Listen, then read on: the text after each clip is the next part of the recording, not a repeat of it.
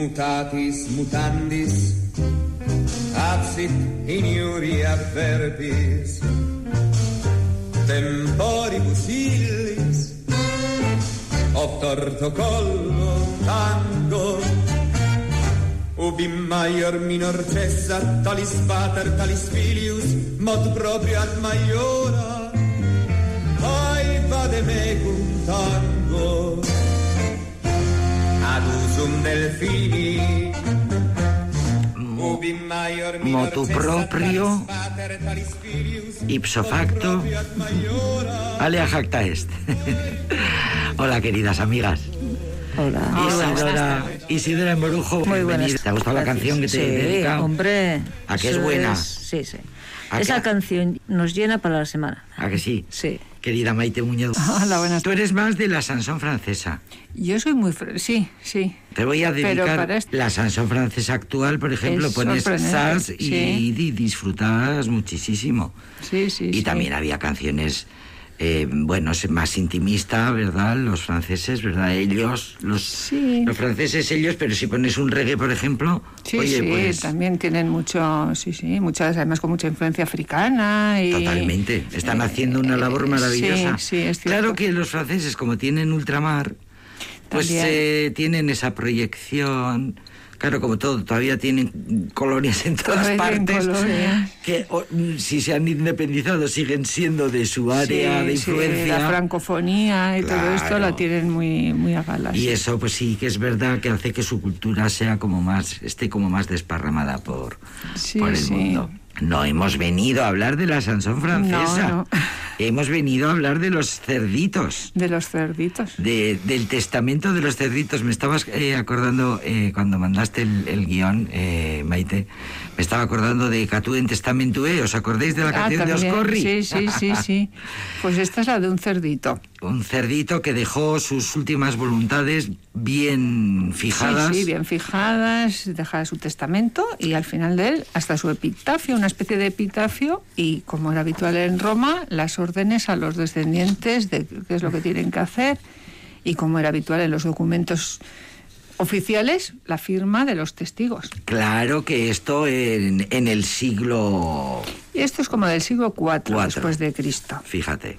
En O to- sea, antes del 350, en torno al 350 tenemos que situarnos. Es un texto de estos poquito cono- poco conocidos, conocido. entonces, bueno, pues casi casi Un- lo un traemos en texto primicia. raro, un texto en raro y a primicia, la vez muy divertido. Yo creo que es una primicia, Sí, porque sí, sí, sí. es el típico texto que solo conocemos quienes hemos estudiado algo de eso que también, incluso para el latín, es una especialidad, que es el latín vulgar El latín vulgar. que antes estudiaba en los planes de estudios y que solía entrar, Mm. Con lo cual hay bastantes antologías, bueno, bastantes, relativamente, ¿eh? antologías del latín vulgar y en ellas siempre suele aparecer este texto por lo original que era y en parte, vamos, por lo original que que era, que sigue siendo, por todas las claves, sobre todo de, de índole léxica que aporta, porque los nombres en las traducciones y la, la que, la que traemos aquí eh, son bastante logradas, porque intentan adaptar esos, esos chistes que, que venían en el propio nombre, eso que hemos comentado otras veces a propósito de los Sí. epitafios, el, el nombre parlante, el juego con el nombre, en latín se dice el usus nominis, el, el juego del nombre, y en un testamento de un cerdo, pues os podéis imaginar que ya lo adelanto, pues que casi todos los nombres tienen, son una parodia de algo. Entonces, ya digo, este texto suele estar escondido en esas antologías del latín vulgar. Y, y- y, bueno, pensando en los carnavales, en las fiestas, El carnaval de, vamos de a los hacer animales. un pequeño scoop, porque en realidad es, es eso, está comentando, es un testamento porque el- evidentemente al cerdo nos lo van a matar. Claro. ¿eh? Al cerdo nos lo van a matar.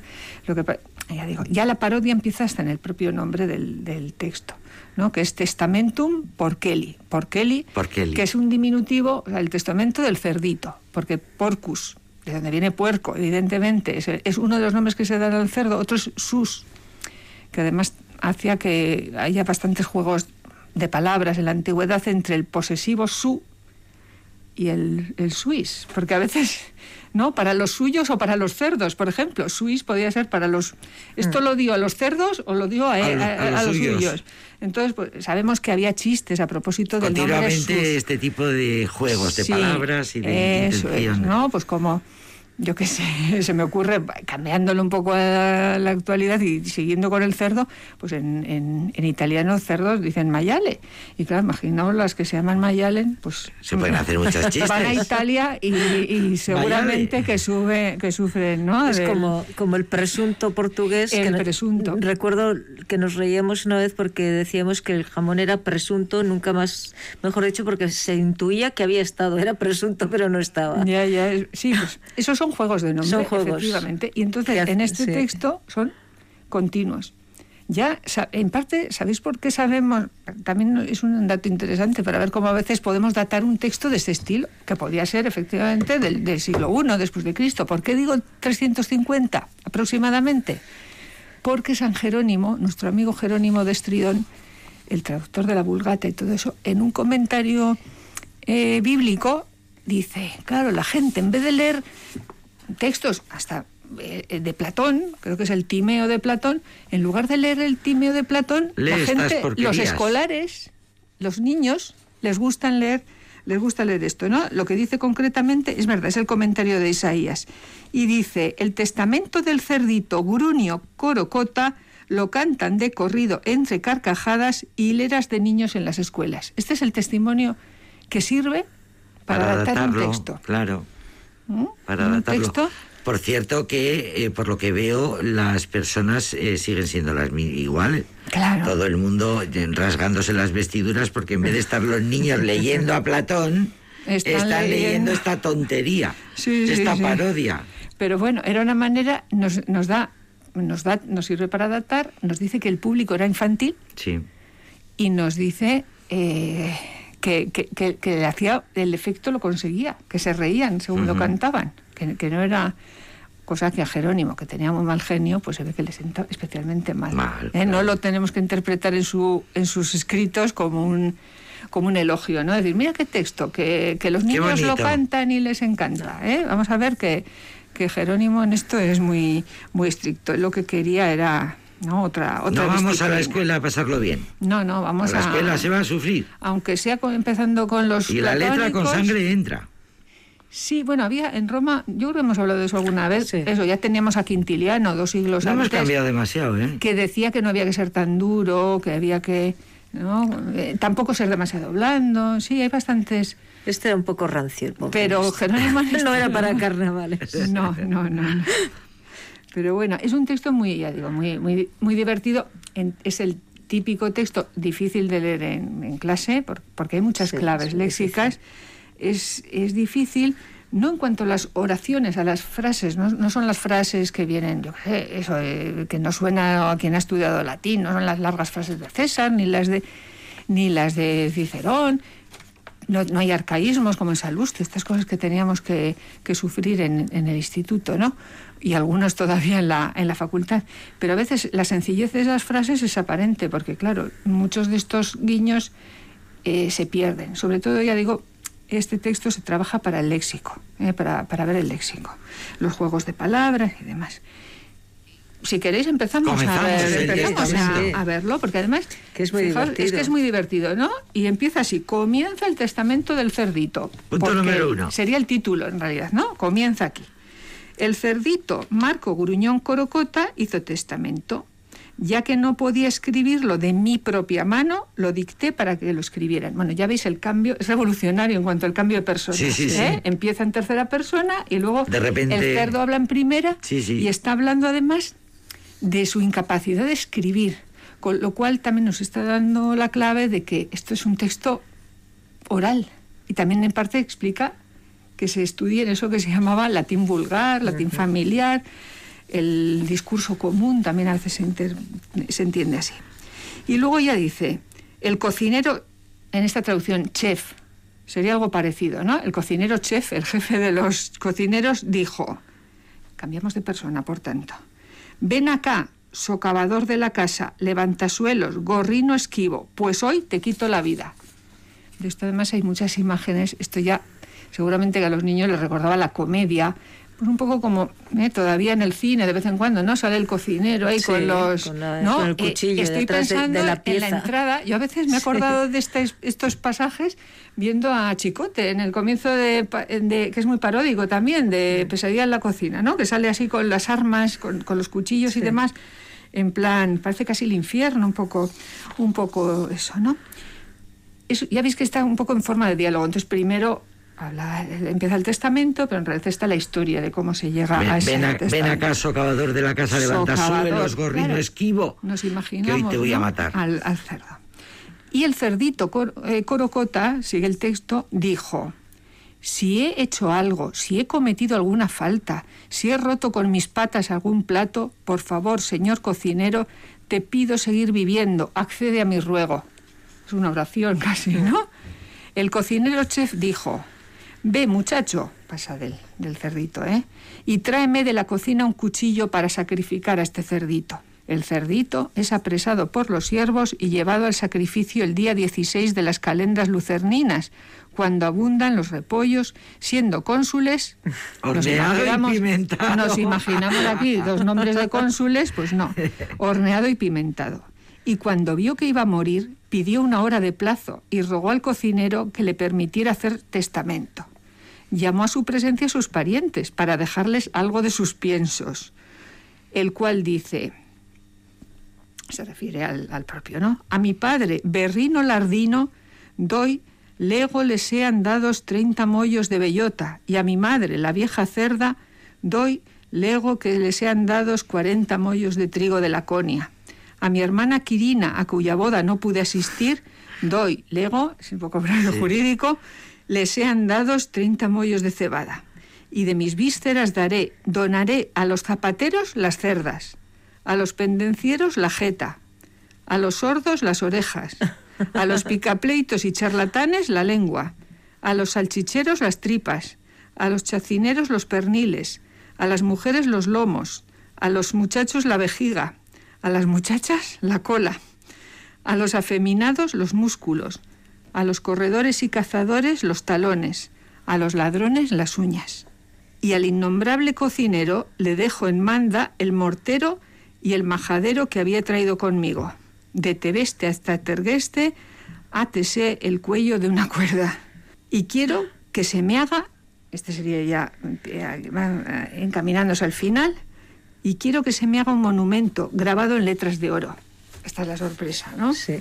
Marco, y este sería el epitafio, Marco Gruñón Corocota, el cerdito, vivió una segunda sorpresa, 999 años y medio. Pero si hubiese vivido medio más, habría cumplido mil años. Desde luego.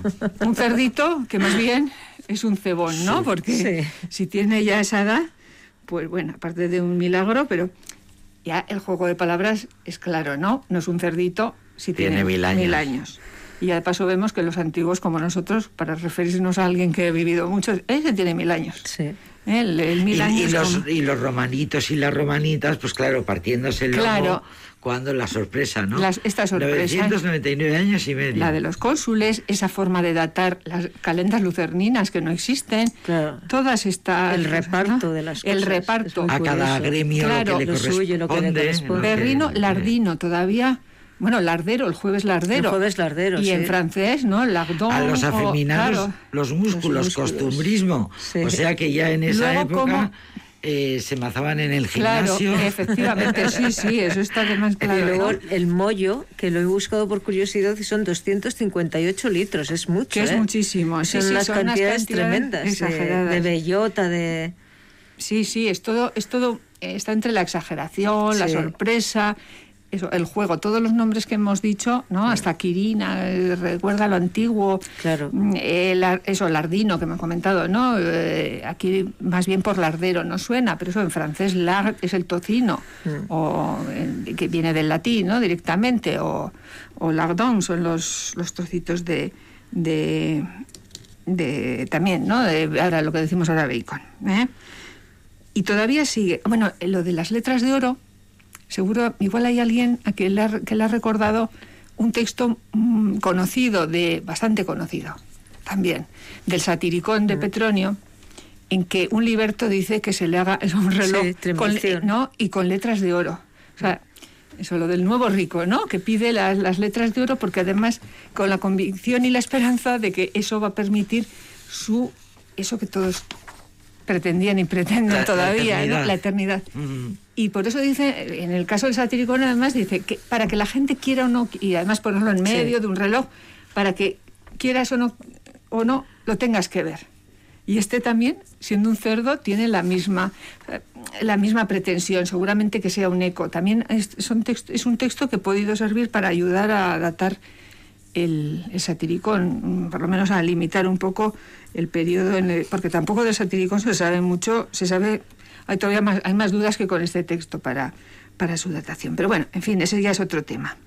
Y luego sigue el cerdito un poco, después de este epitafio, con su nombre completo, ¿os acordáis? Además se llama Marco, bueno, Marco, como el prenomen ya dijimos que era limitado, no pasa nada. Luego el, el nombre que él mismo, en la traducción que hemos leído, del profesor eh, Javier García Sánchez, eh, di- lo ha traducido por gruñón. Está bien, en latín es grunius. Grunius, grun, grun, grun, eh, suena Sí. bastante, ¿no? Grunius, está, lo digo en latín, está adaptado al apellido que comentábamos, que acababa mucho en ius, acordaos, Silvius, Claudius, todo eso. Ese sería el nombre de familia. Este es de los gruñones. Claro, evidentemente Claro, también haría cerdo. gracia. Es que el nombre del cerdo haría gracia. Y más dudoso es el cognomen, el, el apodo, el corocota este. Hay muchas teorías, ¿eh? desde que es una especie de lobo, a que es un, un salteador, un... Bueno, en fin, hay... Un héroe, ahora lo considera un héroe Eh, bueno, cántabro. claro, ahora claro, Sí, son sí. los típicos salteadores como Robin Hood, Claro, ¿no? Que igual. una especie de... Ahora en de- Cantabria tienen, lo tienen como Corocota, es un elemento Claro, porque turístico, es- porque lo sitúan en Cantabria en, en la época de las guerras Claro. cántabras. Sí. Claro, pero bueno, hay quien también piensa, bueno, eh, en fin, eh, que, que es un animal salvaje, que es, bueno, hay bastantes bastantes teorías, pero bueno, no sé, parece que la más atractiva es la del bandolero, Sí. la del, ¿no? Que además, eh, pues eso, ¿no? Se supone que era un ejemplo de, de una rara ambición, ¿no? Se ofrece, como el emperador ofrece, cuenta la leyenda, ¿no? Si no me equivoco. Sí, ofrece Dion una- Casio, es el de Claro, Dion Dion Casio. Casio comenta, ¿no? Que, que si que como hay una recompensa, pues se ofrece para cobrarle la recompensa. Sí. Pues mejor que, que la cobre yo. Y entonces el emperador se supone que, sorprendido por, por su audacia y por, ¿no? Iba a decir por la jeta que tiene, más en este contexto, pues no solo le perdonó, sino que le dio la.